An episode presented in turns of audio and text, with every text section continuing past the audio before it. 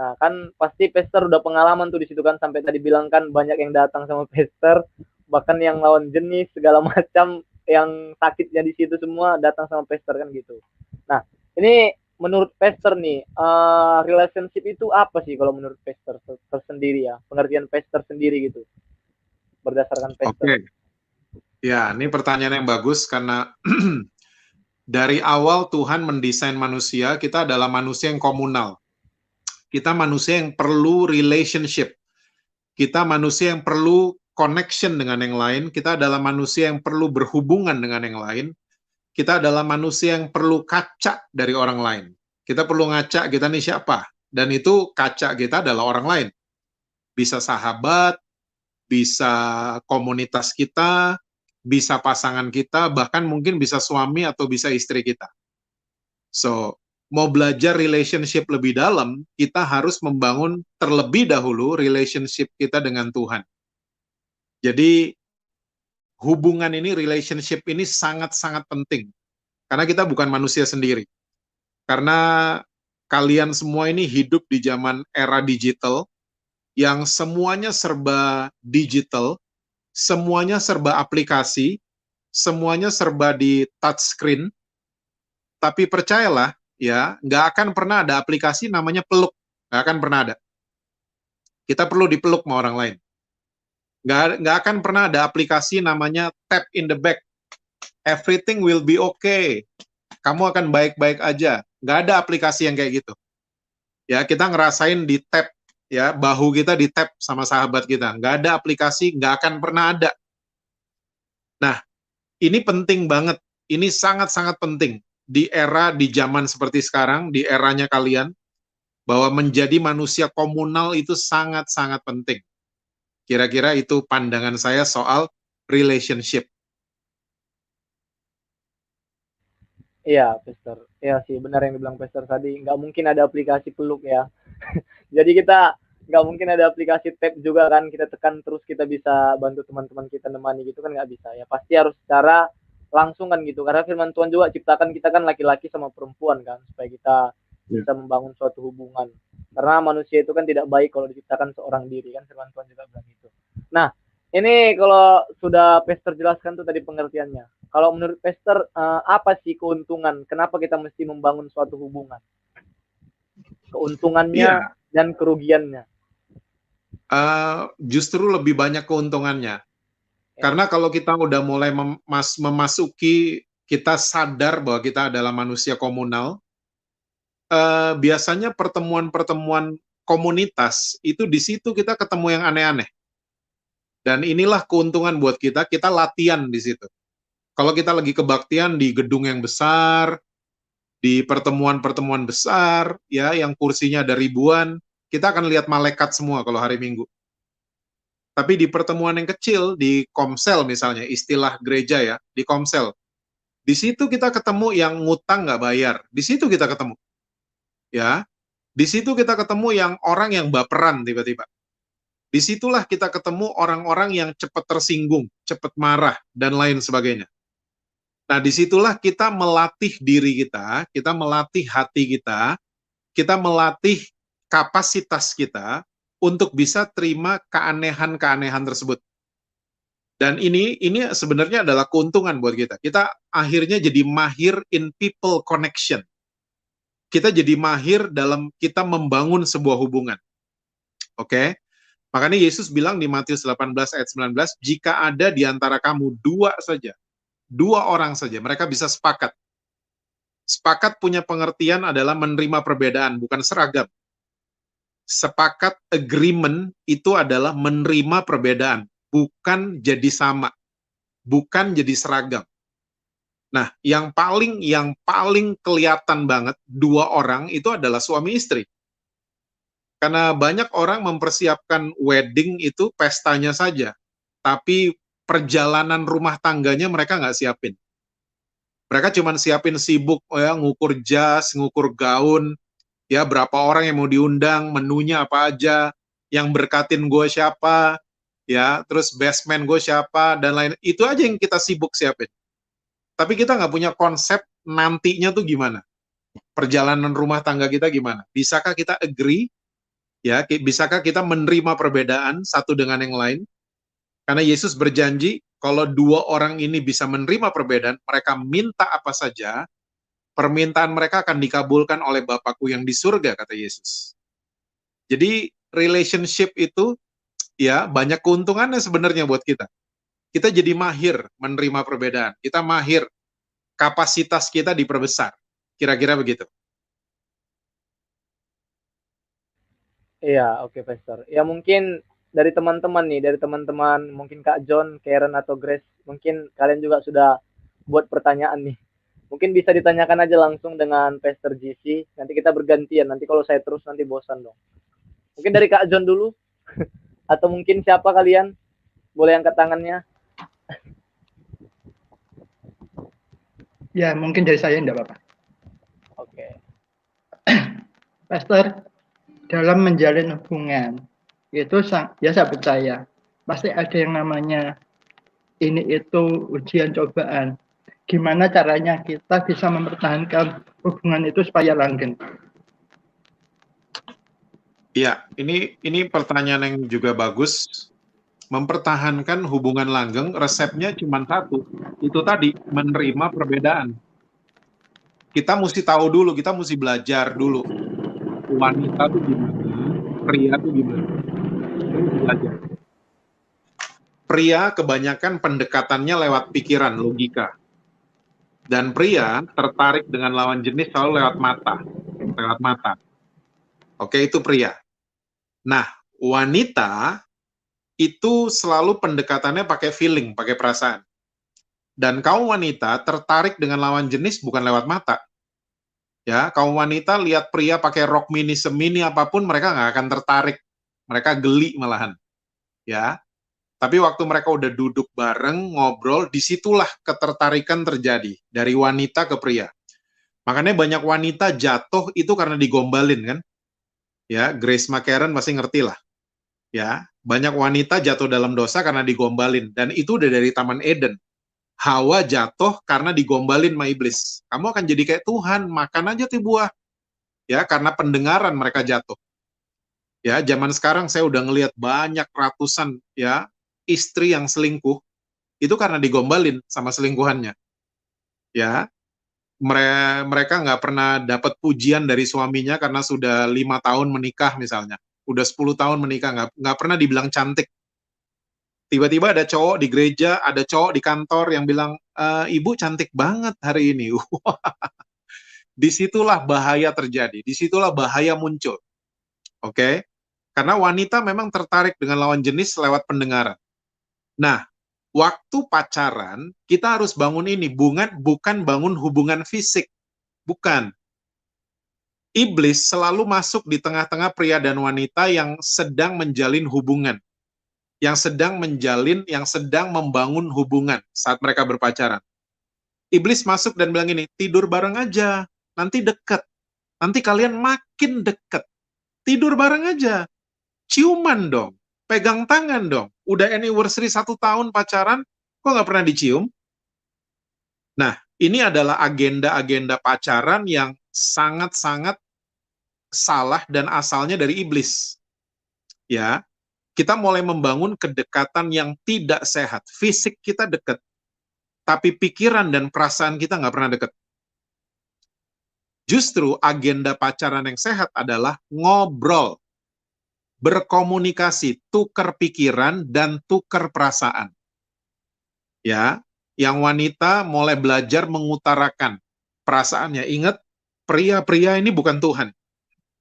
Kita kaum pria bukan Tuhan yang udah tahu ya cewek kita mau ngapain, istri kita mau ngapain, pacar kita mau ngapain. Kita nggak tahu. Nah, belajar mengungkapkan perasaan. Oke. Okay?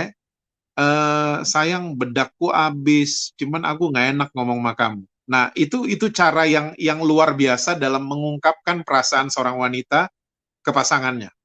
Ya. Aku sebenarnya pengen dijemput sih, tapi kalau kamu sibuk nggak apa-apa. Ya.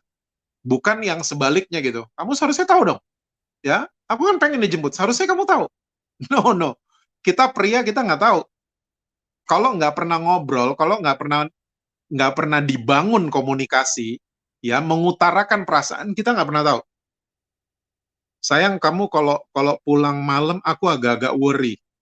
Ya. Bukan bukan kasih action waktu suaminya pulang malam gitu, tiba-tiba bantalnya udah di kursi, gulingnya udah di luar kamar, bukan begitu. Ya. Belajar untuk mengungkapkan perasaan. Nah, pria juga sama. Mulai dari pacaran belajar mengungkapkan pikiran-pikiran kita. Belajar mengungkapkan ya cara berpikir kita. Ya, belajar mengungkapkan. Ya, percayalah ya, wanita juga nggak tahu kalau kita tidak ngobrol. Mereka juga nggak tahu. Karena beda, ini beda. Nah, hubungan yang sehat adalah hubungan yang terus-menerus pikiran dan perasaan dibangun. Karena sering kali waktu udah sampai suami istri nih, ya tadi kan kita udah bahas karena yang disiapin wedding party doang, oke? Okay?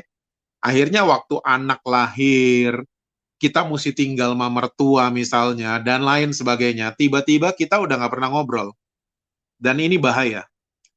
Dan ini bisa mendestroy kelanggengan itu. Makanya tadi pertanyaannya kalau mau langgeng adalah dibangun terus dan pekerjaan membangun bukan pekerjaan mudah pekerjaan membangun adalah pekerjaan yang perlu effort, perlu tenaga, perlu motivasi, perlu niat ekstra. Oke? Okay? Jangan sampai, ah udahlah dia nggak mau tahu, ah udahlah dia nggak mau dengerin. No. Saya sama istri saya, sesibuk-sibuknya kita, kita selalu adain waktu untuk ngobrol. Ngobrol itu penting. Ya, kita pria dengerin, ya, yang wanita juga dengerin waktu ya, bukan waktu pria lagi bicara, wanitanya nonton BTS, bukan. Ya, atau nonton drakor misalnya sambil no. Acara ngobrol adalah acara yang paling penting. Itu kunci kelanggengan.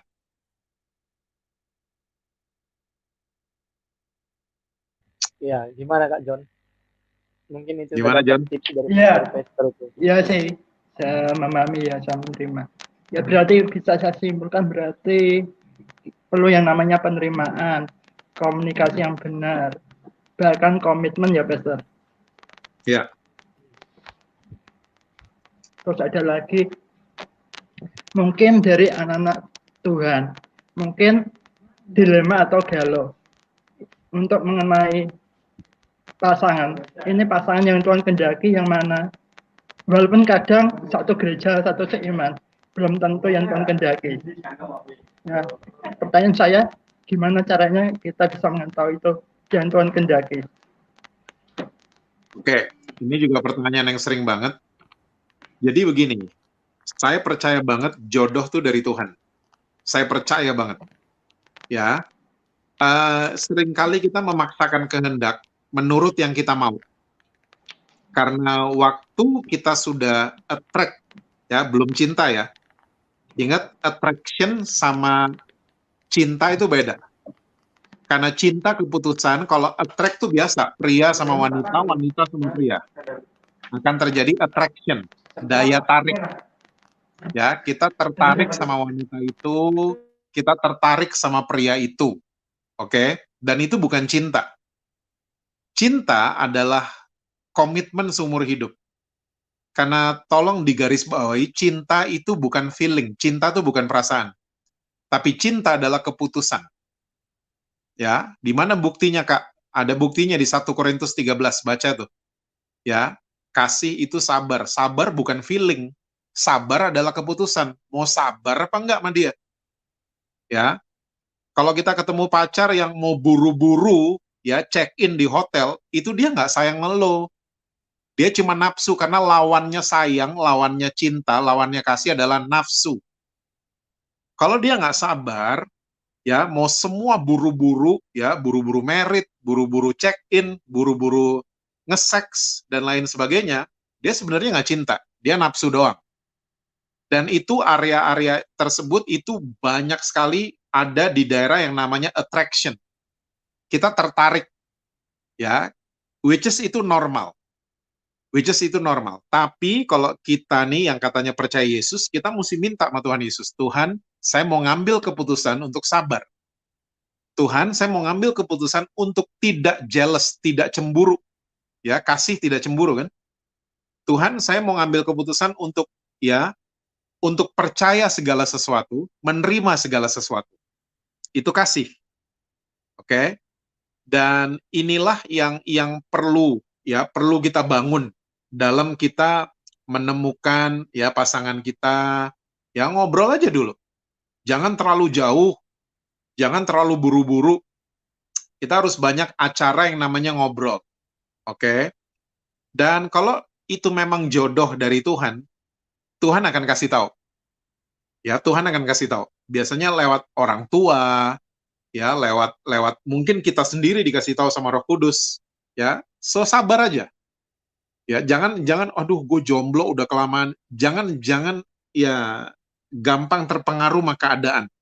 Terburu-buru sama keadaan yang ya yang condemn us yang yang menghakimi diri sendiri yang bilang kita jomblo lah, saya sendiri udah lama lah, saya udah kelamaan single lah dan seterusnya. Oke, okay? John? Oke, okay, thank you, Pastor. Ya, saya sangat terberkati ya mungkin ini bisa menjadi berkat bagi teman-teman yang menyaksikan ya. Dari saya mungkin itu saja sih. Biar ya, teman-teman ya, nanti yang lain bisa bertanya. Gantian lah. Ini masih ada ya, banyak teman-teman dari Warrior. Berarti Kak John ini udah bisa nih mulai bangun hubungan. Udah tahu tipsnya tadi kan dari Pastor kan. Ya udah bisa lah. Gas ngeng. nanti jangan lupa undang-undang kita. Oke. Lanjut mungkin Grace ah, mungkin siap. atau Karen. Ini ladies kita ladies. Tadi kan dari pria, sekarang dari wanita nih. Oke, okay. uh, eh, ini sebenarnya anak-anak muda banget gitu loh, yang uh, gak tabu lagi dalam hal kayak gini. Aku pengen tahu pastor, uh, pastor mungkin tahu arti FWB, it's like friends with benefit, yang di mana kita temenan, apalagi anak-anak sekarang kita temenan doang tanpa ada hubungan, bahkan bukan cuma anak-anak sekarang ya, orang-orang yang punya istri ataupun suami pun punya yang namanya FWB mereka masing-masing gitu karena nggak dapet dari uh, karena nggak dapet dari pasangan-pasangan mereka gitu. Jadi mereka nyarinya kayak uh, orang-orang di luar sana yang nggak pengen punya hubungan juga tapi uh, kata-katanya tuh kayak temen sih cuma ada tanda kutip enak-enakan gitu. Yang tanpa ngelibatin perasaan. Terus bahkan uh, FWB ini tuh sering banget terjadi kalau mereka tuh udah sama-sama uh, memiliki pasangan-pasangan masing-masing sama yang aku bilang tadi. Nah, menurut pastor sendiri uh, menanggapi hal seperti ini tuh gimana sih? Apa sih yang harus dilakuin supaya kita, apalagi anak-anak sekarang, apalagi yang udah punya pasangan nih, uh, supaya nggak gampang yang namanya kegoda sama atau masuk ke dunia per FWB-an ini. Karena ini uh, menurut aku udah banyak banget orang-orang yang punya FWB masing-masing walaupun mereka udah punya suami, mereka udah punya istri, bahkan mereka udah punya pacar atau sebagainya. Oke, Grace, ini ini pertanyaan dari zaman gue dulu juga udah ada. Maksudnya istilah-istilah ini tuh di zaman di zaman aku zaman dulu tuh dibilangnya HTS kalau nggak salah, hubungan tanpa status uh, atau enggak teman tapi mesra misalnya. Banyaklah istilah-istilah kayak gitu. So again, eh, kalian-kalian semua mesti tahu bahwa angka perceraian tertinggi ya ini ini sedang terjadi di mana-mana. Mungkin karena pandemi, karena nggak pernah di rumah bareng, tiba-tiba mesti di rumah di lockdown bareng, ya tiba-tiba dalam setahun ini kasus KDRT meningkat, perceraian meningkat, dan ternyata perceraian itu waktu diselidiki bukan karena bukan karena perselingkuhan, bukan karena harta, bukan karena uh, seks, bukan karena apa-apa. Ternyata perceraian itu kasus tertinggi itu karena komunikasi. Nah, kita udah bahas tadi. Nah, ternyata ngobrol ini penting banget. Ngobrol ini krusial ternyata. Ngobrol uh, banyak orang punya friends with benefit itu karena nggak bisa jadi sahabat sama pasangan. Pasangannya itu nggak bisa jadi soulmate buat dia, ya. Dan pasangannya juga nggak ketemu soulmate di di di di diri pasangannya dia, ya, di diri istri atau suaminya dia atau pacarnya dia itu nggak ada soulmate, ya. Yang ada cuman mungkin controlling, cuman dilarang-larang doang dan lain sebagainya. Nah itu bukan ngobrol Nah, seharusnya goal setiap pasangan adalah jadi jadi sahabat. Ya, saya ngelihat papa mama saya soalnya. Papa mama saya itu menikah 41 ta 44 tahun. Uh, itu sampai maut memisahkan mereka. Oke. Okay? Dan saya lihat dari saya kecil mereka sahabat banget. Tiap sore mereka ngobrol. Tiap sore loh. Mereka ngeteh bareng, mereka ngobrol. Dan papa saya kantornya dulu tuh di rumah, mama saya kantornya di luar rumah. Nah, setiap jam 4 sore, papa saya selalu nunggu nunggu soulmate-nya datang di pagar jam 4 sore. Ya, dibawain tasnya, itu pemandangan saya dari kecil. Dibawain tasnya, he, he was so romantic, my dad. Dibawain tasnya, di, di, diajak ke meja makan, lalu udah ada teh di situ. Mereka ngeteh berdua dan mereka ngobrol sampai gelap. Dari jam 4 sore sampai setengah 7 malam lah. Baru mereka mandi-mandi. And that's every day. Every day. Saya ingat banget tahun 2007, Papa meninggal tahun 2010. Saya ingat saya ajak Papa itu ke Belanda, ke rumah kakak saya yang paling tua. Schedule kita uh, di Belanda itu satu bulan, empat minggu. And you guys know what happened? Baru dua, baru 10 hari, Papa saya minta pulang. Waktu ditanya, kenapa mau pulang gitu? Jawabannya bikin kesel, tapi kita terharu juga. Karena jawabannya gini, kangen mama. Loh, kangen apanya? Kangen ngobrol. Bayangin mereka udah puluhan tahun padahal merit. Ya, nggak pernah bosen, malah dicariin soulmate-nya. Kalian tahu nggak? For the very first time, dia naik pesawat sendirian untuk ketemu soulmate-nya. Dia terbang karena saya tinggal tetap di Belanda karena ada banyak schedule waktu itu. Papa saya itu terbang sendirian dari Amsterdam ke sampai kita satu keluarga ngecek ngecekin pesawatnya selalu. Dia terbang Amsterdam Kuala Lumpur, Kuala Lumpur Jakarta hanya untuk ya memenuhi rasa kangennya ke mama, ke istrinya. Oke. Okay? So seharusnya ini jadi goal dari setiap relationship, dari setiap pasangan. Bahwa istri gue tuh soulmate gue. Suami gue tuh soulmate gue. Dia yang paling tahu gue, bukan temen di luar rumah yang tahu gue. Bukan. Ya, mimik gue udah seperti apa dia udah tahu. Soulmate. Oke. Okay?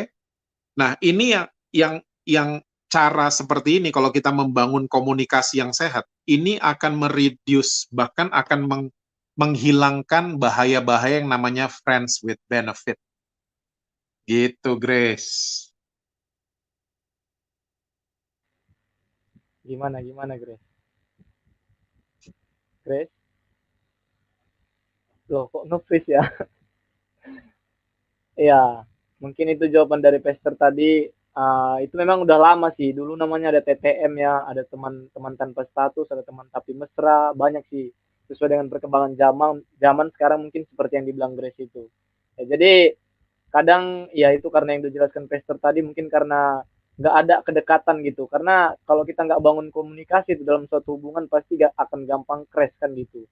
Karena kalau kita bangun komunikasi yang baik, pasti nggak mungkin dia sampai cari orang lain. Terus nggak mungkin dia berpaling dari kamu Nah, jadi anak, -anak muda nih kalau memang baru membangun hubungan, masih pacaran-pacaran ya bangun dulu komunikasi yang baik gitu. Jangan langsung seperti yang kayak dibilang Pastor tadi, sedikit-sedikit baru kenal, udah ngajak ke sana, ngajak ke sini. Ya mungkin dari Karen mungkin Karen. Ini ladies yang kedua. halo Pastor, kenalin aku Karen. Hmm uh, di sini aku mau bertanya nih, kan banyak banget nih eh, anak-anak uh, muda yang udah jalin hubungan dan bahkan yang masih kecil pun ataupun yang mungkin masih SD kelas 3 atau ataupun kelas 1 itu udah jalin hubungan, udah berpasangan dan menurut pastor nih, apa sih pendapat pastor mengenai mereka-mereka yang masih kecil tapi udah membangun hubungan? Boleh banget di-sharingkan. Thank you, pastor. Oke, okay, oke. Okay. Uh, di semua keadaan itu selalu ada hukum sebab akibat. Yang kita lihat sekarang itu cuma akibat doang. Akibatnya. Yang kita harus benahin adalah sebabnya. Bukan kita menyerang akibat. Wah, itu anak udah begini loh. Wah, itu anak 8 tahun udah nonton pornografi. Itu semua cuma akibat. Sebabnya kenapa? Seringkali kita gereja ini telat. Kita telat dalam melayani mereka karena kalau kita mau melayani misalnya anak-anak anak-anak remaja, kita layani mereka. Kita layani mereka, mereka anak-anak remaja itu mulai dari umur 13. Telat. kita terlambat. Karena mereka 8 tahun udah nonton pornografi. Kita telat banget. Karena yang Alkitab ajarkan, kita harus melayani generasi. Ya, generasi itu harus dilayani sama gereja. Nah, setiap generasi itu umurnya 0 sampai 40 tahun, itu satu generasi. Ya. Kalau udah itu udah beda lagi, udah generasi yang berbeda, warnanya beda, gayanya beda, cara ngomongnya beda. Nah, kita nih harus save the whole generation by minister to them. Kita harus layanin mereka justru. Yang mereka butuhin tuh apa? Bukan cuman bikin kebaktian aja, bukan. Ya, uh, kita harus tahu hatinya mereka seperti apa. Kita harus tahu ya uh, yang mereka sukai apa, musiknya mereka apa, bahasanya mereka apa. Kita harus cari tahu itu semua. Karena dalam menangin generasi bukan cuma diajak ke, ke kebaktian. Nah, generasi saya waktu saya masih muda dulu, kita nih dibilangnya fatherless generation. Dan saya rasa sampai hari ini itu masih menjadi isu yang yang dahsyat, isu yang hebat banget. Isu yang yang yang hebatnya tuh dalam arti bahaya. Bahaya, yang hebat, fatherless generation. Nah, kalau gereja cuman melahirkan pembicara-pembicara doang, tapi nggak melahirkan seorang father, nggak melahirkan seorang ayah, nggak melahirkan seorang coach, pelatih yang handal, kita akan kehilangan generasi terus. Kita akan kehilangan. Ya, saya di zaman saya dulu MTV, MTV bisa mengeruk generasi muda luar biasa banget. Hari ini mungkin BTS. Ya, BTS bisa mengeruk banyak anak-anak muda ya hanya dengan begitu aja. Ya, McDonald ada lam, ada lambangnya mereka langsung ngantrinya gila-gilaan. Orang lupa sama, sama protokol kesehatan dan lain sebagainya. Kita gereja ngadain acara, nggak ada yang mau datang. Nggak ada yang mau datang. Kita bikin acara anak muda, kita udah undang artis, tapi nggak ada yang mau datang. Karena kita gereja nih lupa harus offer sesuatu kepada generasi. Ya, kita punya punya telinga nggak yang mau dengar mereka? Kita punya waktu nggak mau dengar mereka? Invest sama mereka. Investasi waktu buat mereka. Nah, ini selama ini yang kita kehilangan. Kita cuma membangun gedung-gedung gereja besar, kita membangun entertain di dalam gereja, tapi kita lupa untuk menjawab kebutuhan mereka. Nah, kalian mesti ingat bahwa pelayanan yang sukses, pelayanan yang berhasil adalah pelayanan yang menjawab kebutuhan. Ya. Apakah kebaktian dengan lighting yang keren, ya, dengan dengan pembicara yang keren-keren, apakah masih menjawab kebutuhan? Ternyata banyak anak muda sekarang yang mereka males sudah. Mereka males datang ke pertemuan-pertemuan gereja karena mereka nggak nggak didengar, suara mereka nggak didengar. Nah, uh, eh, gue berdoa banget lewat warrior ministry-nya kalian ini, kalian bisa meraup banyak sekali generasi kalian, anak-anak muda. Ya, dengan membangun hubungan sama mereka, ya, mengerti bahasa mereka, ya, dan menerima mereka. Kalau mereka udah berdosa misalnya dan lain sebagainya, jangan dihakimi. Terima mereka. Ya, saya di Jakarta uh, ketemu model-model gini udah banyak banget soalnya. Banyak banget. Aneh-aneh banget dan semuanya sama karena mereka punya ketiadaan ayah, fatherless generation. Mereka nggak punya coach di rumah. Again kita balik kan komunikasi di rumah tuh penting banget. Ya, banyak ayah-ayah di rumah itu cuma diem, tapi kalau anaknya salah baru ngomong. Ngomongnya emosi dan marah. Kamu kenapa gini-gini dan lain sebagainya. Tapi waktu anaknya lagi berprestasi, anaknya lagi nilainya bagus, kita nggak ada pujian sama sekali buat anak-anak kita. Nah, akhirnya ini semua yang terjadi di rumah ini masih banyak ya. Karena saya biasanya kalau ngajar ngajar fathering tuh bisa bisa seminggu bisa seminarnya. Ya. Banyak banget isu seperti ini, akhirnya mereka cari cari pujian di luar rumah. Ya, kebut-kebutan biar dipuji orang, ya naik sepeda padahal heart rate-nya ini tapi wah speed-nya bisa 50 km per jam. Hanya cuman karena haus pujian, karena di rumah nggak dapet. Can you imagine? Ya, akhirnya mereka melakukan hal-hal yang berbahaya hanya untuk dipuji. Apalagi anak-anak di rumah yang dibully sama orang tuanya, apalagi yang yang menerima kekerasan, ya, verbal, fisik, bahkan sampai ke seksual. Ini bahaya banget. Dan ini adalah isu-isu yang harus dijawab, harus kita kerjakan sama-sama. Ya, saya dukung kalian banget kalau kalian benar-benar punya kalau kalau kita pelayanan sama orang-orang yang baik-baik gitu, aduh itu udah mainstream lah, udah di mana-mana. Tapi kalau kita mulai melayani orang-orang yang rusak, kita bangun mereka dari nol sampai mereka jadi sesuatu. Wah, gua angkat topi banget. Gua angkat topi banget karena ini kerjaan yang nggak mudah.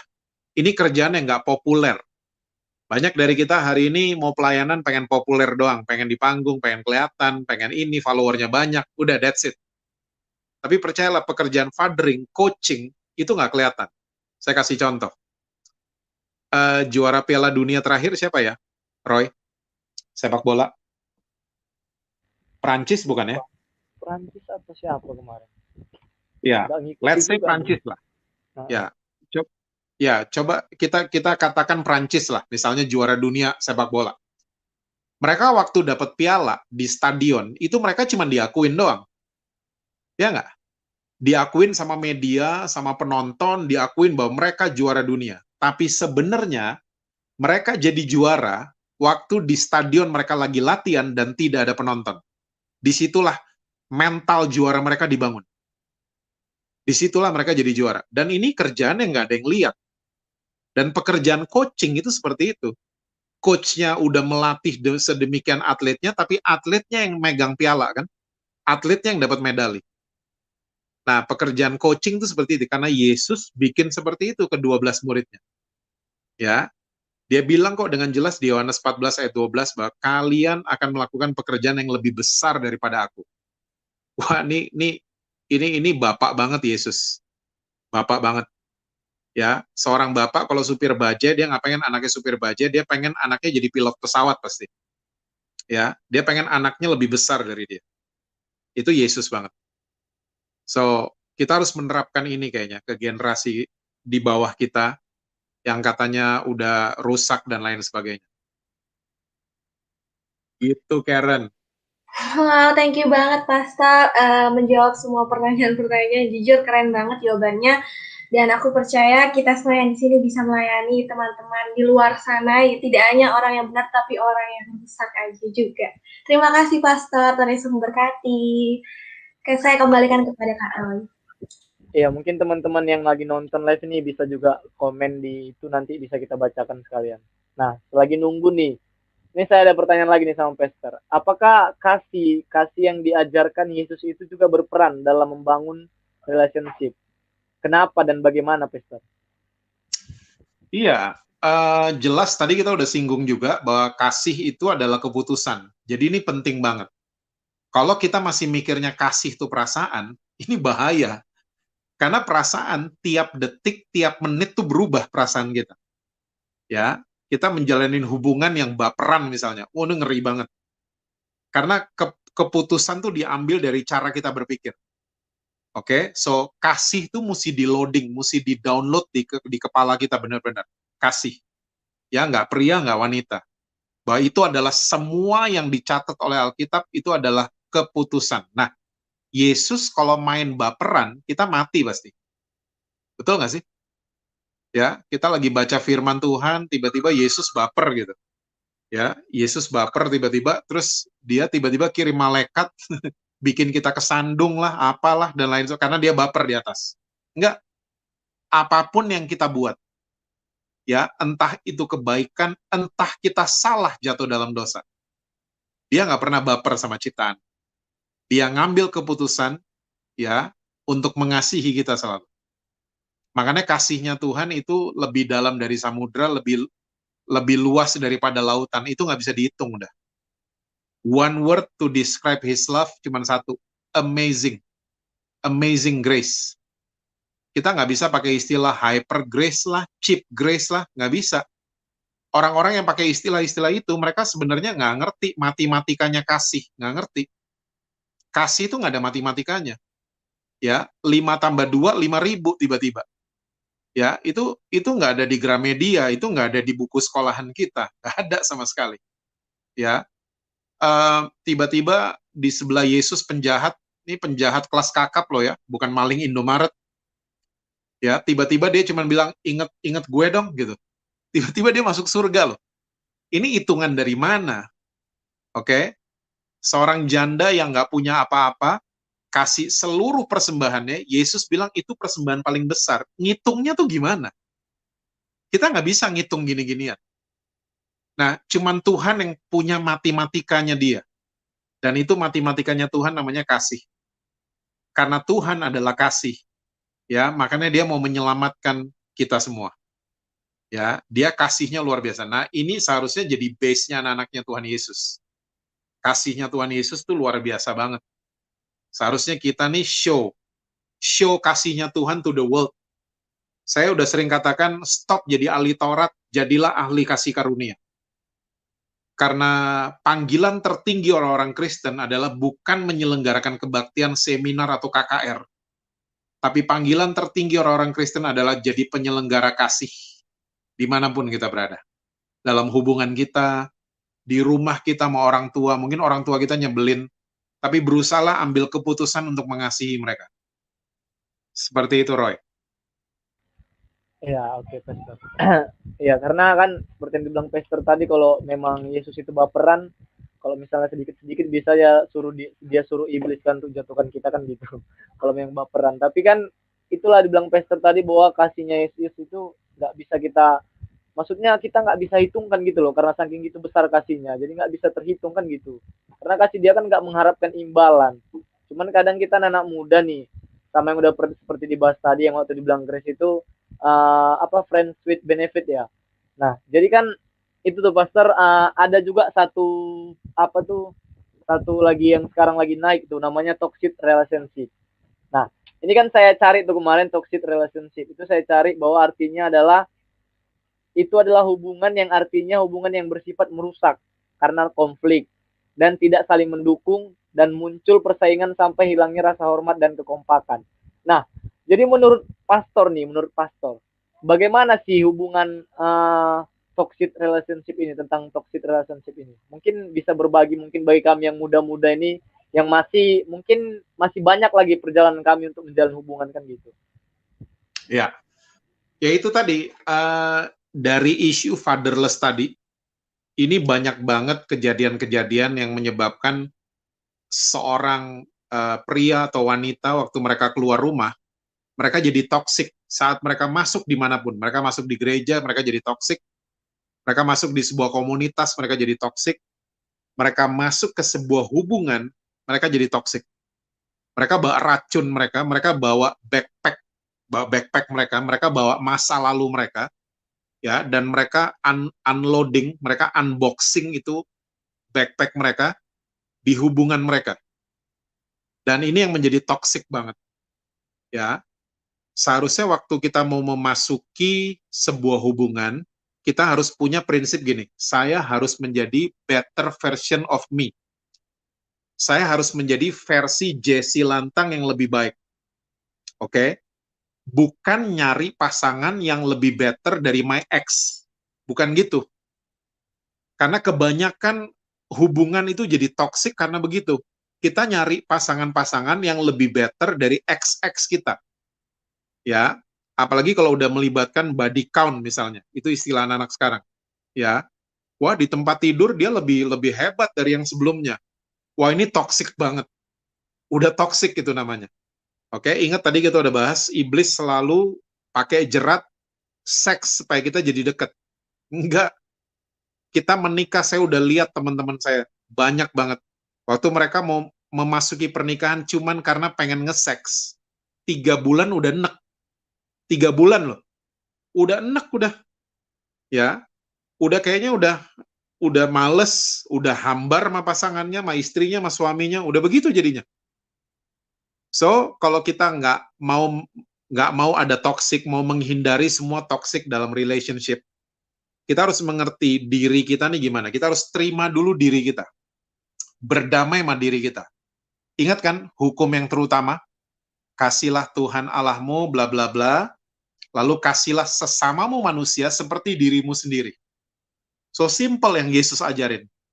Kita nggak bisa mengasihi seseorang kalau kita nggak bisa mengasihi diri kita dulu. Nggak bisa. Kita nggak bisa berdamai sama seseorang kalau kita nggak bisa damai sama masa lalu, nggak bisa damai sama diri kita, nggak bisa. Kita nggak bisa ngerti seseorang kalau kita nggak pernah ngerti diri kita sendiri. Gue cepet baper kenapa ya? Coba deh. Kita mulai mulai diagnose diri kita sendiri. Gue cepet tersinggung kenapa ya? Gue cepet marah kenapa ya? Kalau kita mulai bisa ngerti diri sendiri, gue percaya banget kita dengan mudah bisa ngerti orang lain. Oke? Okay? Nah ini ngerti diri sendiri aja enggak mau coba-coba membangun hubungan. Wah hancur. Hancur. Yang ada hancur. So, fokusnya adalah jadi better version of me. Itu goalnya. Ya, saya mau saya mau memperbaiki diri saya. Saya mau berdamai sama diri saya. Saya mau berdamai sama masa lalu saya. Saya percaya kalau saya punya versi saya yang lebih baik, saya akan attract orang yang juga lebih baik buat saya. Ingat di dunia kita ini ada hukum tarik menarik.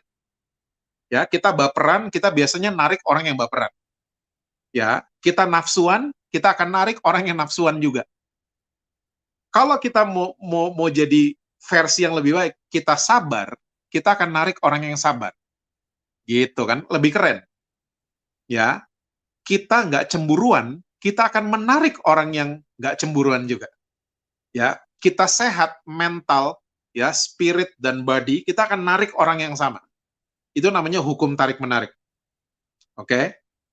So seperti itu Roy. Iya, Pastor. Nah, menurut Pastor nih, apakah hubungan yang seperti itu tuh, yang toxic relationship itu bisa nggak diperbaiki? Mungkin bisa kasih tips-tipsnya supaya anak-anak muda yang mungkin udah terjatuh tuh di situ kan bisa bangkit.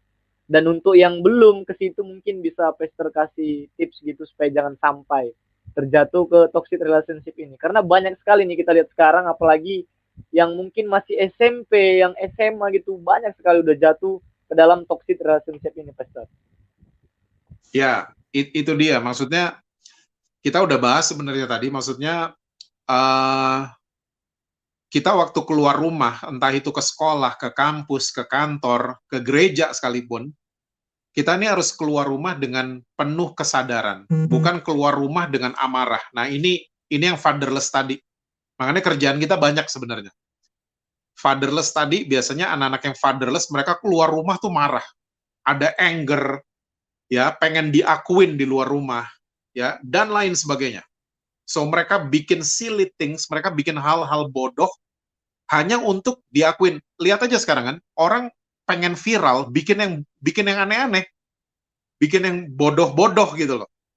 Dan semakin ngetop, semakin bodoh semakin ngetop biasanya semakin aneh semakin viral biasanya. Nah, kita sebenarnya jangan ikutin jangan ikutan gitu-gituan. Karena ini adalah ciri banyak orang memang butuh pengakuan hari ini. Karena mungkin di rumahnya jarang dibilang cantik sama papanya. Itu hal yang simple, tapi di luar rumah itu jadi bom. Bom waktu banget. Oke? Okay? Dan ya, kita harus siap ya, gereja Tuhan, kalian nih, ya, harus siap untuk menghadapi orang-orang seperti ini. Karena banyak banget fatherless itu yang akan ketemu kalian, banyak banget. Dan orang-orang seperti ini biasanya mereka sudah kecebur dalam toxic relationship. Kecebur. Nah, yang harus dikasih tahu buat mereka adalah tips bahwa mereka itu berharga, yang gitu-gitulah. Dan itu nggak semalam doang mereka sembuh. Orang sakit kok, mesti ditemenin. Saya nemenin orang sakit tuh banyak banget banyak banget. Sampai saya sepeda pun, ya, saya hampir setiap hari sepedahan. Kalau kita lagi break, saya ketemu orang sakit tuh banyak banget. Oke? Okay? Dan itu nggak satu dua langsung sembuh. No, namanya juga orang sakit perlu ditemenin. Ya, mereka perlu tahu obatnya tuh apa. Nah, kalau kita tahu obatnya, toxic relationship itu apa, ya itu biasanya karena itu tadi kurang pengakuan, kurang kasih sayang, ya mungkin nggak usah dibilang-bilangin, tapi kita harus menerima mereka. Itu cara kita memenangkan generasi ini adalah accept them, menerima mereka. Jangan menghakimi mereka. Ya. Karena acceptance, penerimaan itu lebih besar daripada toleransi. Kita sering kali cuma mau tolerate, wah ya nggak apa-apa lah segala macam mau tolerate doang. Tapi penerimaan itu Tuhan Yesus yang ngajarin. Menerima seseorang, ya, apalagi dalam keadaan buruk, itu harus dilakukan. Kita harus mahir gitu-gituan. Oke? Okay? So, semakin kita ada acceptance, semakin kita banyak pemuritan, ya, banyak pengajaran juga cuman show di dalam gereja, nggak cuman entertain di dalam gereja. Semakin kita banyak discipleship, oke, okay, saya percaya ini akan hilang pelan-pelan. Ya, semua toxic, apalagi sampai ke toxic relationship. Seperti itu, Roy. Iya, oke. Okay. Terima kasih Pester untuk penjelasannya. Kiranya biar teman-teman yang nonton nih, karena ini banyak sekali kita jumpai, apalagi anak, -anak muda nih, apalagi di bawah-bawah kita yang sekarang nih, banyak mereka sering bertanya seperti itu. Karena kan itu uh, sebab akibatnya kan parah tuh kalau udah toxic itu. Berarti dia uh, rugi, merugikan salah satu pasangannya kan gitu. Seperti yang udah Pastor jelaskan tadi. Jadi arahnya udah lain gitu, bukan lagi untuk membangun hubungan, tapi membangun suatu yang tidak baik kan gitu seperti yang sudah dijelaskan ya. tadi. Ya, mungkin ada dari Kak John lagi atau dari teman-teman yang lain nih mau ditanyakan karena kalau bahas relationship ini pasti suatu hubungan itu perlu kan gitu karena ini pasti kita manusia nanti ke depannya akan membangun suatu hubungan kan gitu gak mungkin kita hidup seorang diri dulu terus oke okay. Berarti betul ya yang namanya relationship itu itu yang namanya penerimaan atau acceptance bahkan menjadi seorang sahabat. Itu dari satu dengan lainnya bahkan mungkin bisa menjadi seorang apa ya orang tua atau bapak ibu.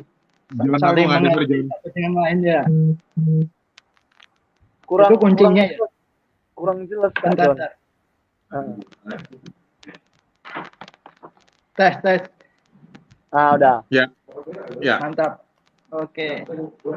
Berarti yang namanya relationship itu ya itu yang namanya satu dengan yang lainnya itu penting sekali untuk bisa menjadi seorang sahabat dan mau menerima satu dengan lainnya apa pun itu dan bahkan kita harus mau mengerti mereka dan mau memahami jangan sampai miss sehingga menghasilkan suatu hal yang fatal itu.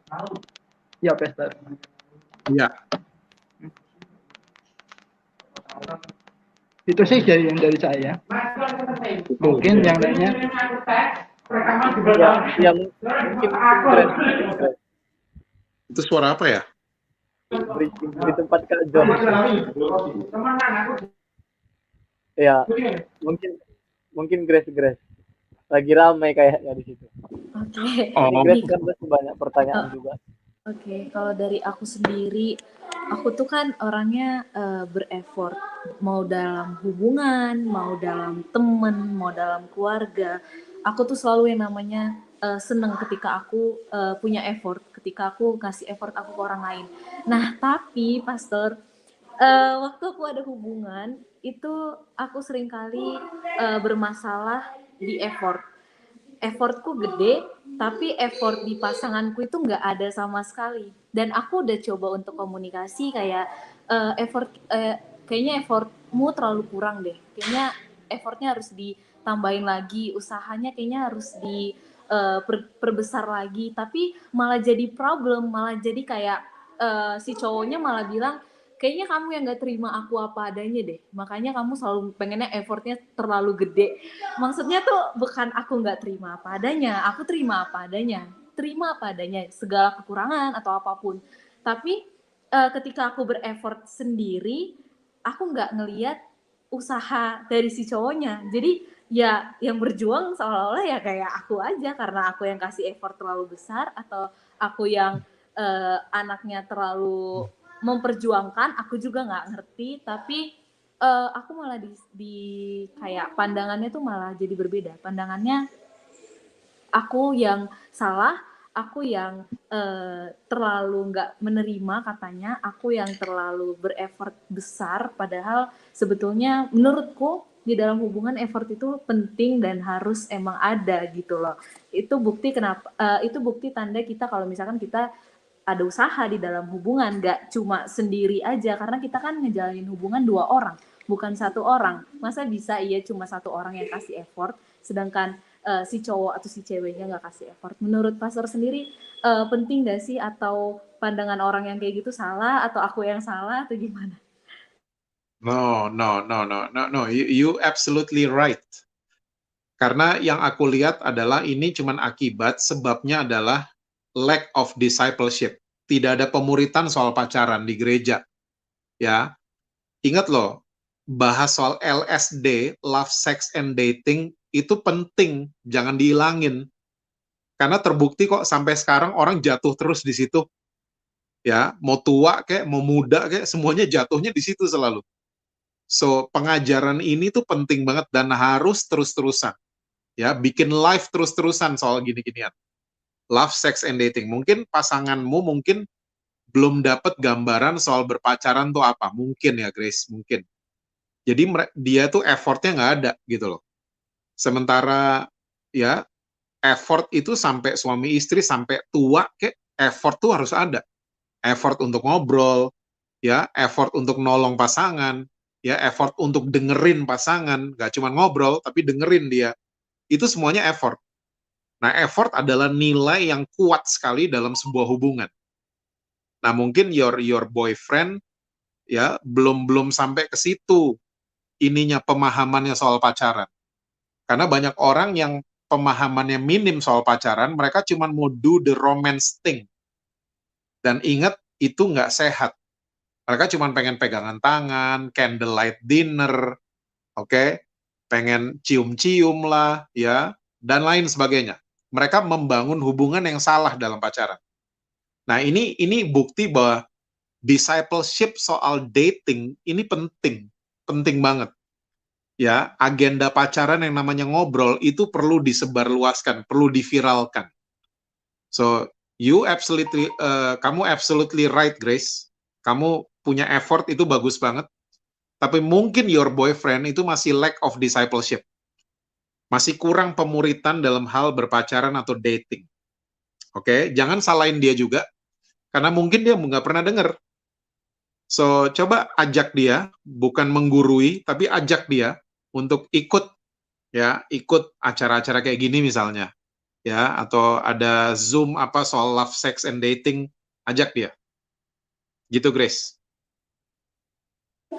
Bener banget sih, soalnya uh, kita juga satu pelayanan, kita juga satu community, tapi uh, kalau masalah effort itu selalu berantem, selalu nggak ada jalan keluarnya gitu loh. Ketika uh, ini justru aku orangnya to the point. Aku orangnya apa yang gak suka di hatiku pasti aku bilang gitu. Nah tapi kalau dia harus pakai kode-kodean, jadi kebalik gitu. Sebenarnya cewek yang biasanya main kode-kodean, ini malah dia yang main kode-kodean. Terkadang aku tuh orangnya nggak peka. Aku orangnya nggak peka dan harus ngomongnya to the point gitu. Aku udah berapa kali bilang ke dia, kekurangan aku di sini, aku nggak bisa peka, aku harus dibilang, aku harus di to the point kan gitu. Tapi dia tuh uh, terkadang ngasih kode terlalu banyak sampai akhirnya aku nggak peka. Terus di, dia tiba-tiba bilang kayak uh, kenapa sih nggak peka? Padahal udah dikasih kode keras tapi nggak peka-peka malah jadi kebalik gitu. Lah ini yang cewek siapa? Yang cowoknya siapa?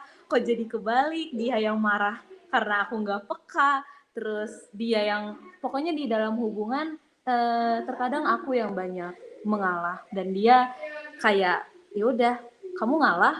Ya udah aku tahu kamu ngalah pasti. Aku tahu ketika kita punya masalah kamu pasti ngalah. Kamu aku tahu kamu nih orangnya lebih dewasa jadi ya udah aku ya aku apa adanya aja. Aku nggak kayak ya yang aku bilang tadi kayak nggak ada mau effort nggak ada mau usaha nggak ada mau untuk usaha berubah. Sedangkan aku selalu ajak yang namanya communication ajak yang namanya komunikasi gitu. Itu sih master. Thank you. Ya ya uh, satu lagi mungkin uh, kalian coba beli eh, buku-buku uh, yang menulis soal kolerik, sanguin, flekmatis dan uh, dan melankolis. Karena pasangan-pasangan kita pasti ada salah satu dari itu pasti. Karena empat-empat itu ada di kita. Tapi biasanya ada dua paling menonjol di kita. Ya, tipenya Grace mungkin sanguin, ya, sanguin dan melankolis mungkin mix tipenya Grace mungkin your boy, boyfriend tuh flekmatis yang cuman kode, diem dan lain sebagainya. Nah, kita harus mengerti juga gini-ginian. Oke. Okay? kalau kita makin mengerti gini-ginian, memasuki sebuah hubungan kita makin enak jalan. Karena kita makin ngerti dan nerima seseorang tuh gampang. Jadi gampang banget. Saya adalah seseorang yang mix kolerik dan sanguinis, Jesse Lantan. Istri saya itu melankolis dan flekmatis. Jadi kita dua kutub yang berbeda banget. Berbeda banget. Saya orangnya mungkin kayak Grace yang out loud kalau ada apa-apa langsung ngomong dan lain sebagainya. Sementara istri saya itu diem, diem dulu ya dia lihat ya keadaan suaminya lagi enak apa enggak ya hitungannya banyak oke okay? nah karena saya tahu ini saya jadi jadi nggak apa-apa jadi cute aja jadi lucu aja gitu dia bukan sesuatu yang lu nih gimana sih bukan begitu jadi cute aja gitu. Dia ngelihat saya juga begitu. Jess, kamu tuh sabar sedikit gitu. Oh iya iya iya. Iya iya, saya mesti sabar. Saya kok diingetin sama dia, selalu dengerin karena semua kelebihannya dia itu kelemahan saya. Dan semua kelebihan saya itu kelemahan istri saya. Oke, jadi kita akhirnya saling ngisi, saling ngisi dan itu enak banget ngejalaninnya. Gitu. Berarti kalau menurut Pastor love language itu berarti penting di dalam yeah. hubungan. Yes. Yeah. How to Priang. how to know about it? Gimana cara tahu okay. untuk Oke, okay, simple. Ya, love language-nya pria waktu pria ngomong I love you itu psikologisnya dia sedang ngomong gini, respect me. Itu pria. Waktu pacaran dibayarin nonton, thank you sayang. Dibayarin makan, thank you sayang. Waktu udah nikah, dibayarin listrik, dibayarin segala macem, bensin mobilnya, bilang thank you aja enggak. Kan udah kewajibannya dia. Sementara pria, perlu di respect. Perlu banget. Nah, banyak suami istri, banyak istri, waktu udah nikah, mereka nggak respect their husband anymore. Tiba-tiba sekretaris di kantor, tiba-tiba bilang thank you thank you ya Pak buat lunchnya. Oh, nggak pernah di respect di rumah. Bahaya muncul. Oke. Okay? Nah, istri ini saya kasih kulit-kulitnya aja ya. Istri waktu mereka bilang I love you sama sama pasangannya, itu psikologis mereka sedang mengatakan talk to me. Karena kaum wanita adalah kaum yang senang diajak ngobrol. Ingat tadi, kaum wanita tertarik lewat telinga. Karena mereka senang ngobrol. Wanita diciptakan oleh Tuhan dengan 5000 kota-kata per hari. Ya, so kata-kata mereka ada 5000 kata kotanya per hari. Ya, can you imagine? Ya, kalau nggak di kalau nggak dikeluarin, nggak dikeluarin, seminggu nggak dikeluarin. Boys, men, you better watch out. Oke? Okay? Karena kalau wanita nggak pernah diajak ngobrol, biasanya mereka jadi cerewet di luar rumah. Nah ini bahaya banget. Oke? Okay? So kalau mereka bilang I love you, mereka sebenarnya lagi pengen diajak ngobrol, bukan diajak nge-sex, bukan. Mereka lagi pengen diajak ngobrol. That's love language from them. Anak-anak, waktu mereka bilang I love you sama orang tua mereka, sebenarnya psikologis mereka lagi mengatakan spend time with me ya adain waktu sama saya. Oke, okay? makanya anak-anak itu waktu mereka ngomong love, ya spend time dan sama mereka. Di time zone jangan ditinggalin. Eh, zaman sekarang orang tua masih ajak anak ke time zone nggak ya? Zaman gue begitu soalnya. Di time zone ya duduk berdua, main mobil balap berdua.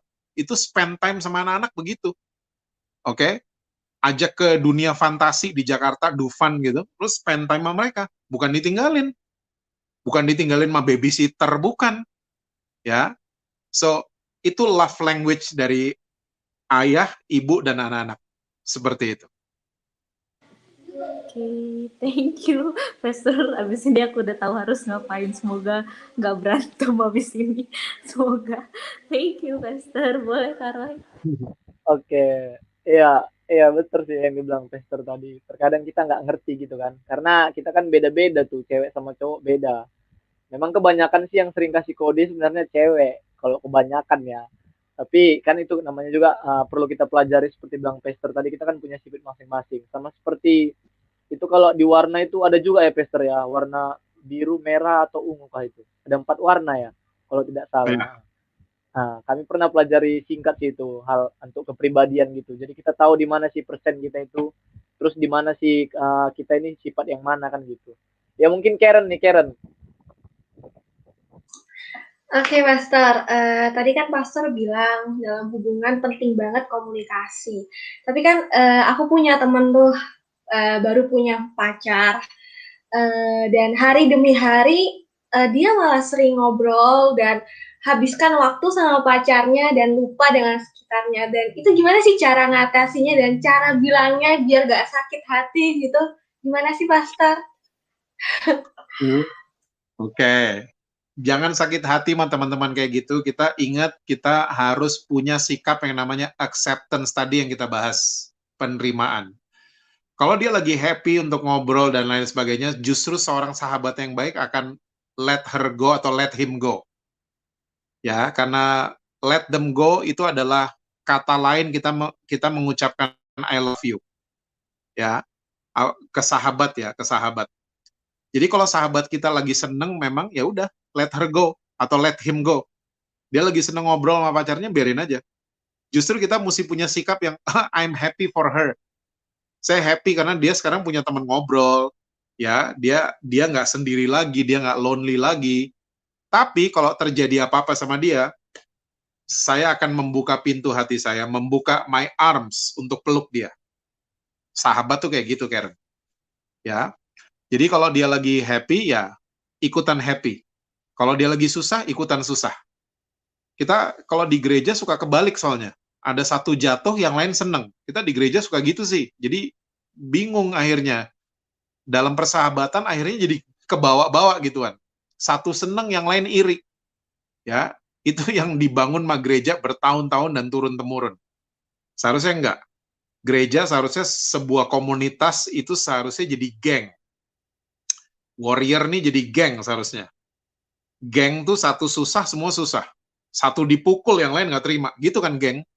Ya. Ada pertemuan geng looking forward. Saya kadang-kadang kok gini-ginian nggak ada ya di gereja. Di gereja ada pertemuan komsel waduh datangnya terpaksa atau dipaksa datangnya oke kalian kalau ketemu teman SMA semuanya datangnya looking forward kan? Nggak ada yang dipaksa nggak ada yang terpaksa. Karena teman-teman SMA itu geng ya saya sama geng sepeda, Jess besok naik sepeda, wih, langsung looking forward. Tidur cepat karena besok jam 4 mesti bangun untuk naik sepeda sama mereka. So, nilai-nilai kayak gini mesti dibangun. Oke, okay? kalau ada teman senang, ikutlah senang. Gitu, Karen.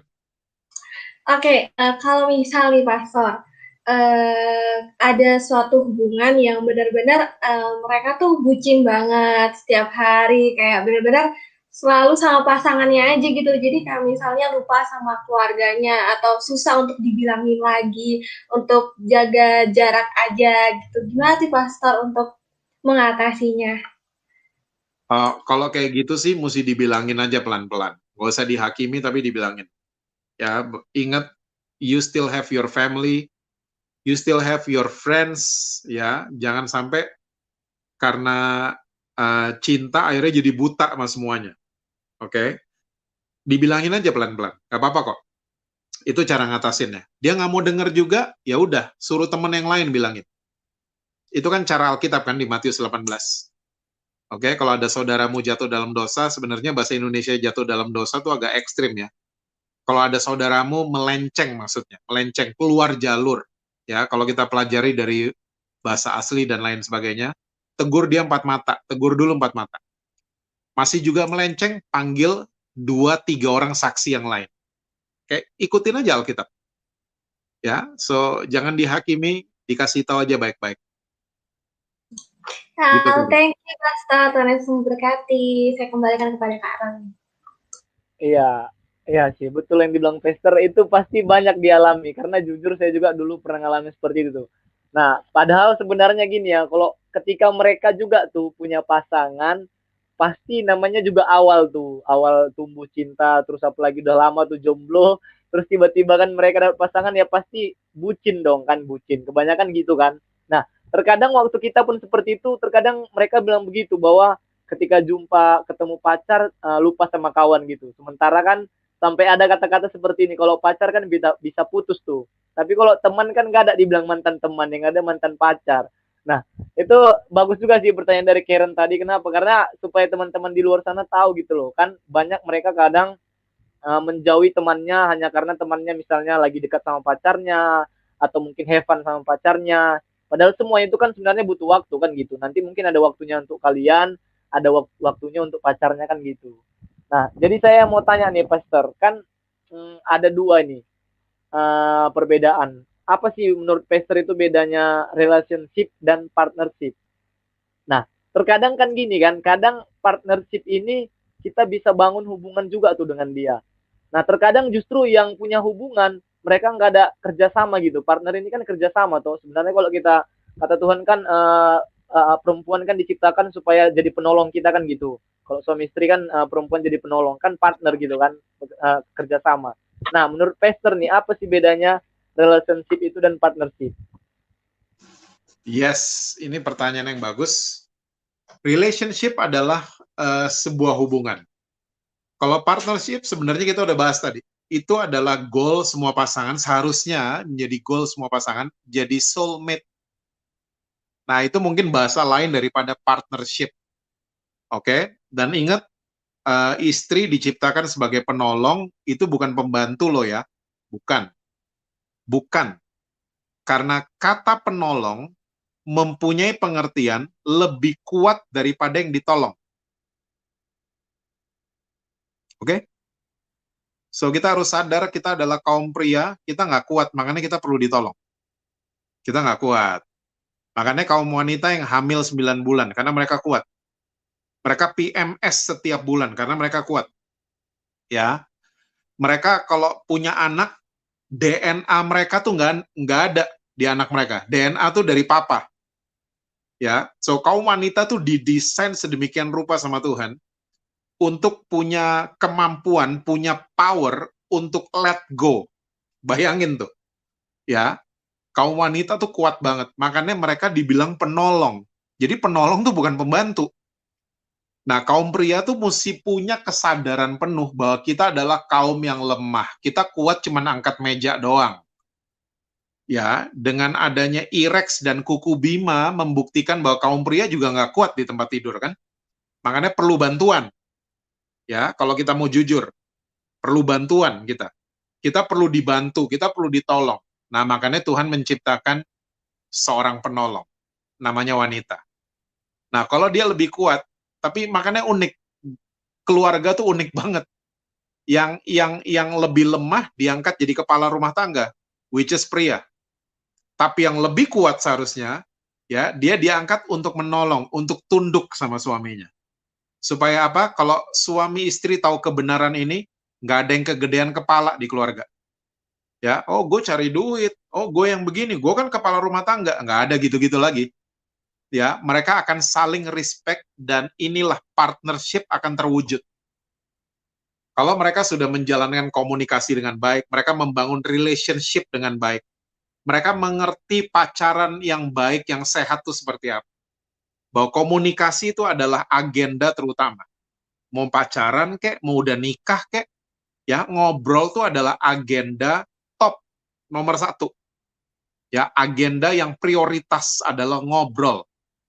Yang diobrolin apa? Tukar pikiran dan tukar perasaan. Kita udah bahas tadi ya. Tukar pikiran dan tukar perasaan.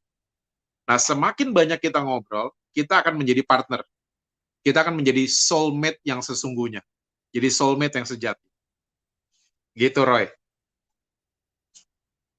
Iya, iya, Pastor. Berarti kalau memang relationship kita, hubungan kita udah baik, pasti nanti kita akan bisa jadi uh, partnership ya.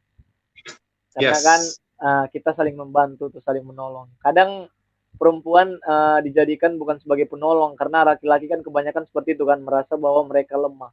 Tapi sebenarnya kalau kita, uh, yang dibilang Pastor tadi benar sih ya, kalau mereka nggak kuat nggak mungkin mereka yang sampai hamil 9 bulan kan gitu. Kok nggak laki-laki aja kalau yang laki-laki yang kuat kan gitu.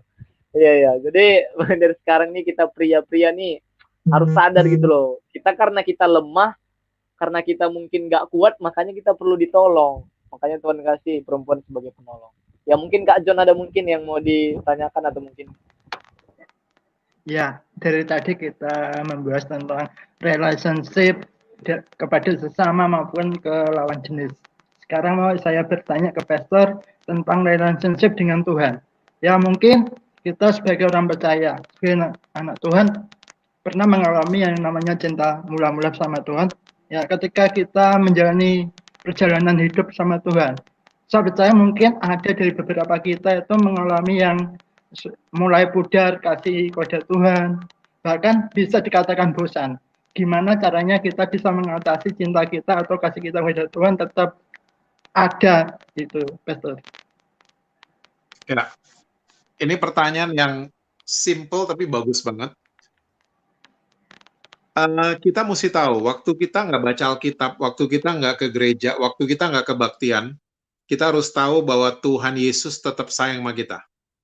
Yang setuju angkat tangan? Oke. Okay. Oke, okay, semua setuju ya?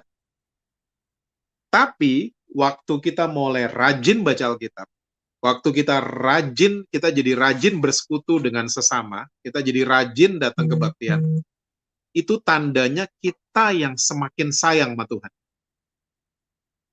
Oke, okay? itu tandanya, itu tandanya. Seseorang yang sayang sama Tuhan, tandanya kelihatan dari his action atau her action. Kelihatan. Karena kasih kita balik, kasih adalah keputusan. Jadi semua keputusan itu harus ada actionnya. Ya sabar tadi, ya tidak jealous, dan lain sebagainya.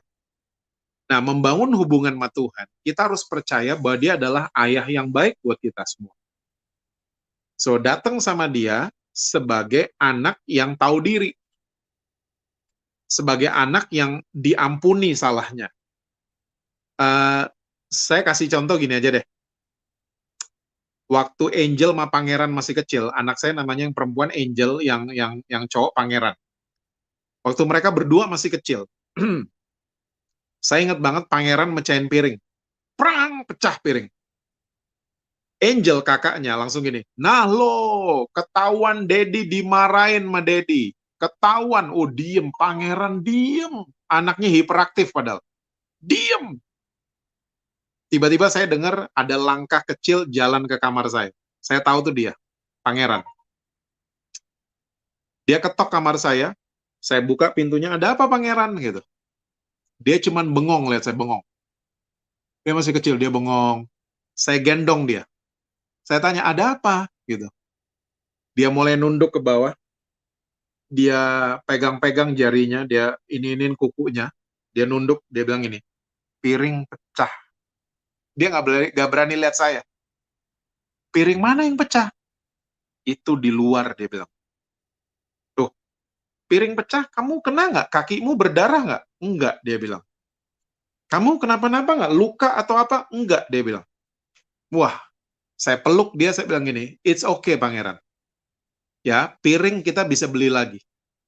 Tapi yang penting kamu hati-hati. Kamu hati-hati kalau sama piring dan gelas sama barang pecah belah kamu hati-hati.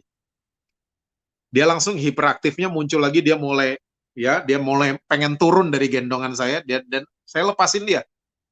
Dia turun, dia keluar, kakaknya datang lagi Angel. Nalo dimarahin Dedi, dia langsung keluarin lidahnya ke kakaknya. Bu, aku udah ngomong sama Dedi, Dedi nggak apa-apa kok. Oke. Okay? Dan kalian mesti tahu sampai hari ini pangeran dia nggak pernah mecahin piring, dia hati-hati banget sama piring dan gelas. Kalau teman-temannya datang dia udah gede sekarang. Teman-temannya datang dia bilang hati-hati sama piring dan gelas. Karena apa? Dia tahu he got safe. Dia tahu dia diselamatkan. Nah, sesimpel itu kita sama Tuhan loh. Sesimpel itu. Sesimpel itu loh. Ya, gambaran itu sering kali waktu kita jatuh, iblis datengin kayak kakaknya pangeran. Iblis datengin, wah yo lo ya, Hah? lo nyanyi-nyanyi lagu gereja, ah, nggak pantas lo. Ah, YouTube live, nggak pantas. Pelayanan, nggak pantas lo. Tapi ingat, tugas kita cuma mengaku dosa sama dia. Sesimpel itu, mengaku. Waktu kita ngaku, bukan janji ya, ngaku, jujur. Ya, kesalahan terbesar orang Kristen adalah janji. Janji Tuhan, nggak mau gini lagi. Janji, nggak mau gitu lagi. Malah jatuh loh, malah jatuh lagi. Tapi coba mulai mulai jujur, ngaku Tuhan. Ya, Tuhan saya lihat pornografi tadi. Ya, Tuhan saya masturbasi tadi. Tuhan tolong saya. Mendingan gitu doanya. Ya, saya udah lihat ratusan kesaksian waktu doa seseorang diganti ke Tuhan. Waktu doa seseorang dari janji-janji, mulai jadi doa yang jujur. Tuhan saya jujur, saya pria yang lemah. Tuhan saya jujur, aduh Tuhan saya baru tidur, saya baru have sex sama pacar saya. Tolong saya, saya lemah banget Tuhan. Ingat, ada ayat di firman Tuhan, di dalam kelemahan kita, kekuatannya Tuhan itu sempurna. Waktu kita mulai janji, janji kita mulai ngerasa kuat kalau kita janji. Dan saya udah ngeliat ratusan orang juga, waktu mereka janji, mereka terus jatuh dalam dosa yang sama. Justru waktu seseorang mulai jujur, mereka dilepaskan, yang mereka pikir mereka nggak bisa. Mereka dilepaskan secara dahsyat sama Tuhan. Nah, membangun hubungan sama Tuhan harus lewat kepercayaan. Ya, lewat iman ya lewat iman kita bahwa kita percaya bahwa Tuhan Yesus kita adalah Tuhan yang baik. Dia baik banget, dia daddy yang baik. Dia daddy yang baik buat kita. Dia bukan daddy yang bawa rotan. Ya, waktu kita salah ceteng, dihajar kita. Bukan. Dia dia waktu kita mengaku dia adalah Allah yang setia dan adil. Dia selalu setia buat kita semua. So, jangan pernah stop bangun hubungan sama Tuhan cuman karena kita kepleset jatuh dalam dosa ingat belajar dari pangeran. Karena itu ayat firman Tuhan. Ya, kalau kita jatuh, lari ke Tuhan karena nama Tuhan seperti menara yang kuat, orang selamat lari ke sana. Orang selamat. So, kira-kira gitu, John. Ya, gimana Kak? Oke, Pastor, terima kasih atas sharingnya. Ya, saya terberkati sih. Ya, semoga ke depannya nanti baik saya atau teman-teman yang lain yang jadi anak Tuhan yang sungguh-sungguh bisa mengatasi semuanya ini dan bisa mencintai Tuhan, mengasihi Tuhan dengan sungguh tulus setia sampai nanti kita bisa didapati sampai akhir hidup kita. Terima kasih, Pastor. Iya, ini ada pertanyaan nih, Pastor. Uh, pertanyaan seperti ini. Uh, apa sih tips untuk menghadapi hubungan yang hubungan yang kurang baik dengan keluarga, pasangan, dan teman dan juga terutama dengan Tuhan. Tipsnya gitu. Oke, okay. uh, hubungan yang kurang baik dengan uh, keluarga. keluarga dari pasangan. Uh, uh, pasangan. Uh, ya, dan kita Tuhan. kita nggak bisa ngalahin Adam dan Hawa lah. Kita harus menerima. Again, acceptance. Ya, kita nggak bisa ngalahin Adam dan Hawa karena Adam dan Hawa adalah suami istri paling bahagia di dunia karena mereka tidak punya mertua. Oke? Okay? Kita semua mesti mesti menghadapi mertua dan mantu nantinya. So, tugas kita kita sendiri yang berubah. Jangan harapin orang yang berubah. Kita sendiri yang berubah, nanti kita akan lihat sekitar kita akan berubah. Ya, bilang sama Tuhan, Tuhan rubah mata saya, rubah hati saya dalam saya melihat mertua saya. Rubah saya Tuhan. Saya mau accept mereka, saya mau menerima mereka. Oke? Okay? Dan prinsip yang sama itu bisa diterapkan ke sahabat dan teman-teman yang lain. Ya, ke orang-orang yang menyebalkan. Oke. Okay? Ingat, kalau ada orang yang menyebalkan, jangan turun kelas ke kelas mereka. Setuju? Ya, bahasa Inggrisnya don't don't go down to their level. Jangan turun.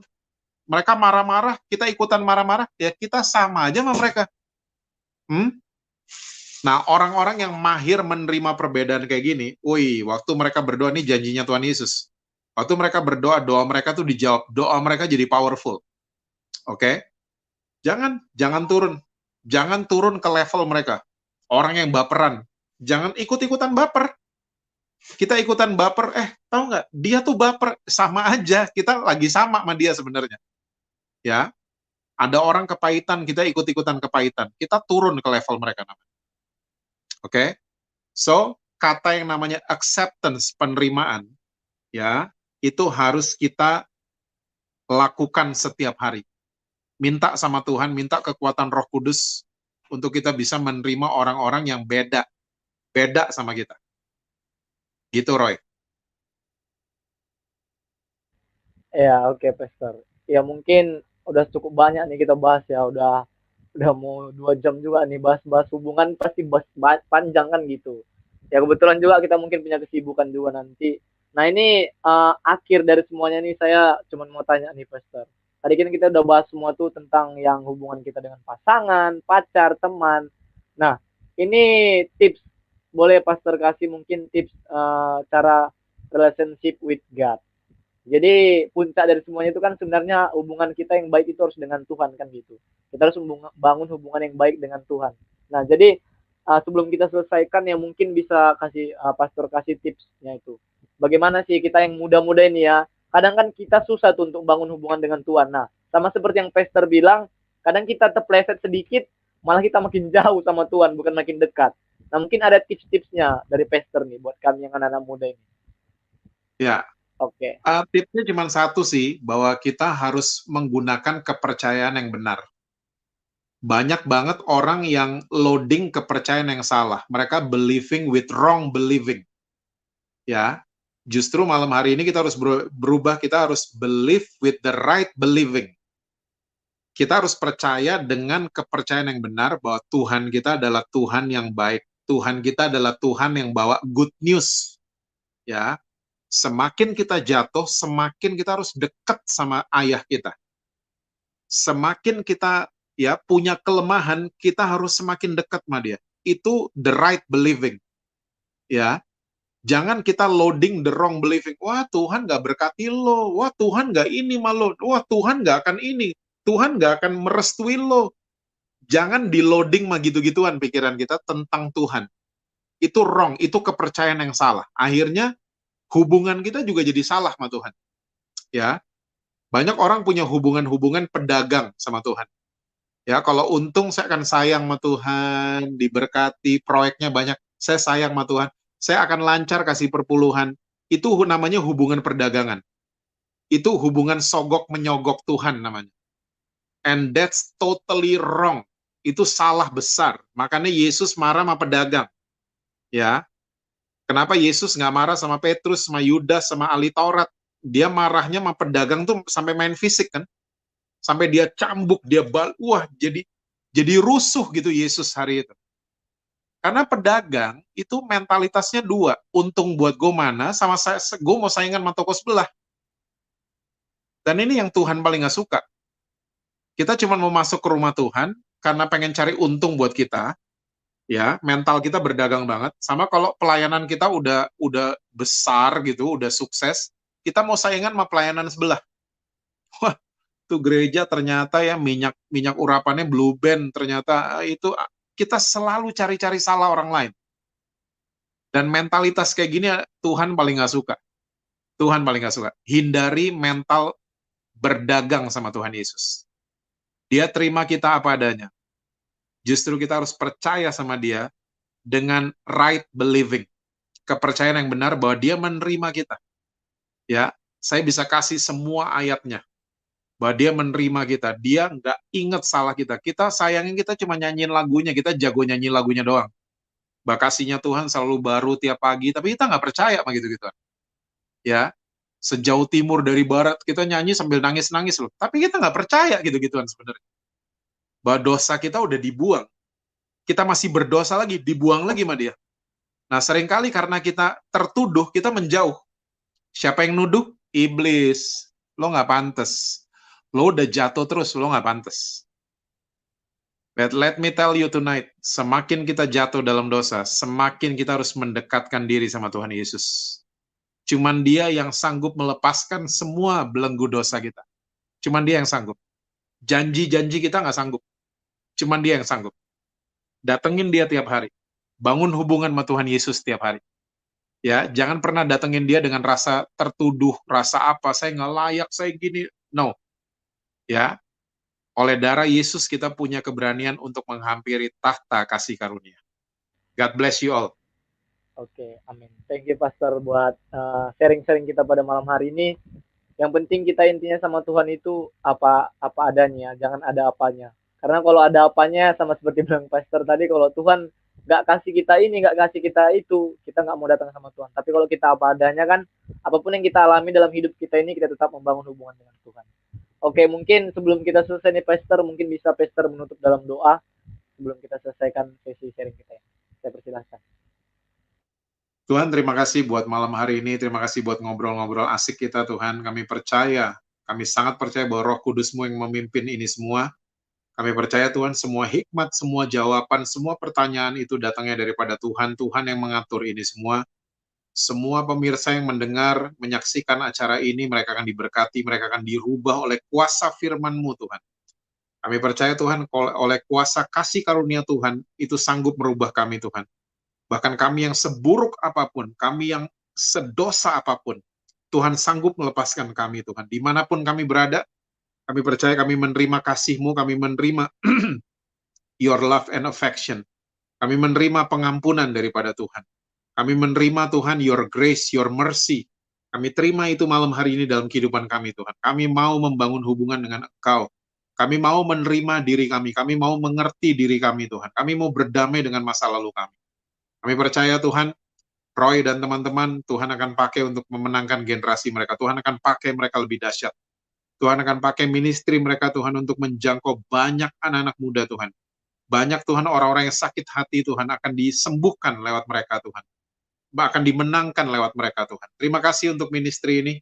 Hamba memberkati mereka semua Tuhan, memberkati mereka dengan hikmat marifat, pewahyuan dari tempat yang maha tinggi. Kasih karunia selalu ada atas mereka. Terima kasih Tuhan buat malam hari ini. Ini kehidupan kami, kami ha ha hanya menyerahkan ke dalam tangan-Mu, dan hanya di dalam satu nama yang berkuasa itu, nama Tuhan Yesus Kristus kami menyerahkan hidup kami. Haleluya. Amin. Oke, amin, amin. Thank you, Pastor. Terima kasih, buat Pastor. Pelayanannya malam ini. Oke, oke, Pastor. Mungkin langsung live aja, nggak apa-apa. Oke. Bye. Bye. Oke, selamat malam. Oke, God bless you, Pastor. Ya, gimana? Gimana ini Kak John ini? Nah, gelap guys. gelap guys. kasih HP gitu loh, kasih kamera HP gini kan bisa di ini pakai HP. Iya itu tadi HP, HP-nya lobet. Oh. Casnya nggak ngangkat. Di cas di samping itu kan bisa tuh di samping HP. Nggak ngangkat Dari casnya. laptop. Oh nggak bisa. Nggak ngangkat. kabel. Bukan bu, bukan nambah daya tambah dayanya nurun. Iya. Ini Karen kok jadi ikut on cam eh off cam ini Karen ini. Karen gimana gimana nih kalian Grace mungkin ada ibadah dia soalnya ada kegiatan hmm. lagi. Ayo Karen masa gantian kami yang off cam.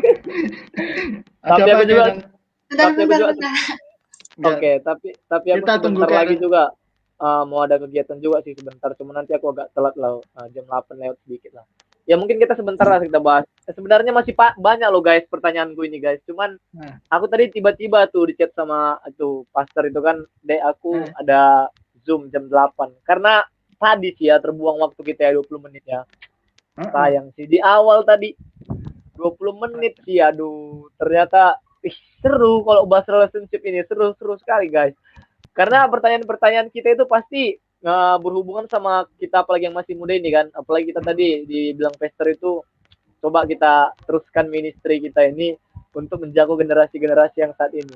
Karena dia yes. sangat senang ada generasi seperti ini. Karena kan seperti dia bilang tadi tuh relationship itu kan harus didasari kasih kan gitu. Kita kalau menjalin hubungan kan didasari kasih. Cuman kadang anak-anak muda sekarang kan banyak kita lihat mereka suka bukan eh mereka cinta bukan karena kasih. Mereka bangun hubungan bukan karena kasih itu tadi yang udah dijelaskan Pester kan gitu. Makanya kata Pester tadi kan sebaiknya nih kita ministry yang seperti ini harus bisa tuh kita rangkul mereka tuh. Merangkul mereka eh kalau kita dengar tadi kan orang-orang yang sakit semua datang sama Pester itu. Ada yang yang selingkuh ada yang ini semua datang sama dia. Makanya sebenarnya kalau kita konseling kalau kita bahas tentang relationship cocok sekali sebenarnya pas sama Pester itu ya ini gimana nih Kak John ini gak ada niat ini untuk bangun hubungan nih karena udah udah dengar tadi ya kan ya pelan-pelan saja kayak lagu man. kayak lagu kota ya pelan-pelan saja ya kan mungkin kalau Karen kan kayak Karen kan masih fokus ke studi kan gitu Karen hmm. udah tamat ya um, besok wisuda Wisuda. Oh, konkret. Wisuda dari? Eh, SMP mau ke SMA. Oh, SMP mau ke Masih kecil. Kak, Kak John Karen ini dia masih mau kelas 1 SMA loh Kak John. Ha. Iya. Tapi dia punya hati eh, itu eh, mantap mantap sih mantap. Mantap Jadi Karen kan ah fokus studi dulu nih. Jadi kalau kayak kita nih Kak John ya kita dengar Hmm. tadi kita hubungan berarti hubungan ke masa depan kan gitu. Kalau Karen tadi kan masih hubungan bahas hubungan dengan teman kan dia tanya itu tadi toh. Karena itu pasti kita alami tuh apalagi teman-teman kita yang SMP tuh yang masih baru-baru bucin dulu. Kalau udah jumpa sama pacarnya, wah, udah mereka itu milik mereka berdua dunia ini. Yang lain ngontrak. Iya. Cuma pikir senang-senang doang. Happy-happy doang. Iya. Saling memperhatikan tanpa adanya komitmen. Ada namanya saling melengkapi. Kali gitu menurut saya sih untuk saling bisa menuntut itu. Tuntut paling yang diutamakan tuntutan. Iya. Kecuali kita. Nah, kalau mereka mungkin kebanyakan tuntutan kan. Hmm, iya, untuk iya. saling mengisi. Nah, Kecuali mungkin kita yang udah agak-agak dewasa ini lah ya, mesti baru berpikir ke depan kan gitu. Karena bangun suatu hubungan itu bukan nggak mudah loh. Sama sepertinya kayak kita bangun rumah besar nih. Bangun rumah besar, terus kalau nggak dilandasi fondasi yang bagus, pasti akan ambruk kan gitu.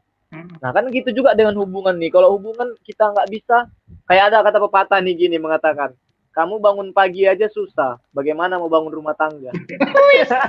Aduh. Mantap. Gimana gimana gimana kak John?